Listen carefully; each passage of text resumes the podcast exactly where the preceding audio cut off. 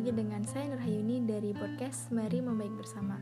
Alhamdulillah, tema podcast pada kesempatan kali ini adalah balas dendam terbaik, yaitu adalah dengan menjadikan dirimu jauh lebih baik ke versi yang terbaik.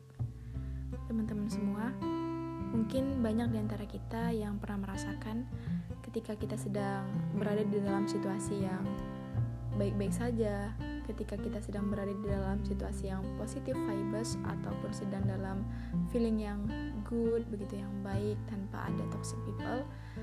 Namun siapa sangka tiba-tiba ada someone atau toxic people yang datang ke dalam hidup kita kemudian merusak suasana baik-baik tadi menjadi uh, negatif vibes kemudian merubah mood kita yang tadinya baik menjadi uh, bad mood teman-teman semua, orang-orang seperti ini ada kalanya kita harus meninggalkannya begitu saja.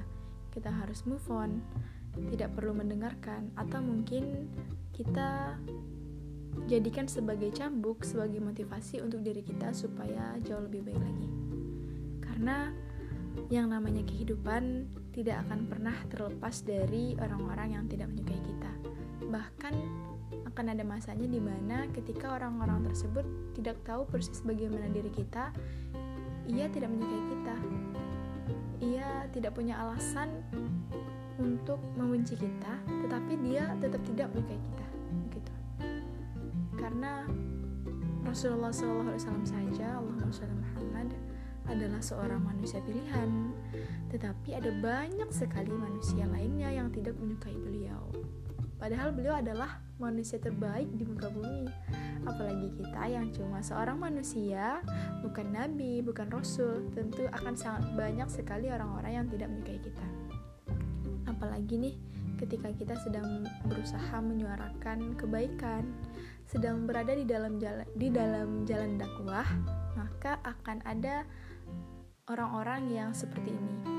Boleh jadi ini adalah bentuk daripada ujian seperti yang Allah telah jelaskan di dalam surah Al-Ankabut ayat 2 bagaimana kamu dikatakan sebagai seseorang yang beriman sementara belum lagi datang ujian kepada kamu. Teman-teman semua kadang-kadang ujian tidak hanya berbentuk dalam bentuk peristiwa tetapi juga berbentuk uh, dalam toxic people yang seperti ini. Jadi ketika kita sedang uh, bersemangat dalam menyebarkan dakwah bersemangat dalam menyuarakan kebaikan, mengajak orang-orang dalam kebaikan, membersamai dalam kebaikan.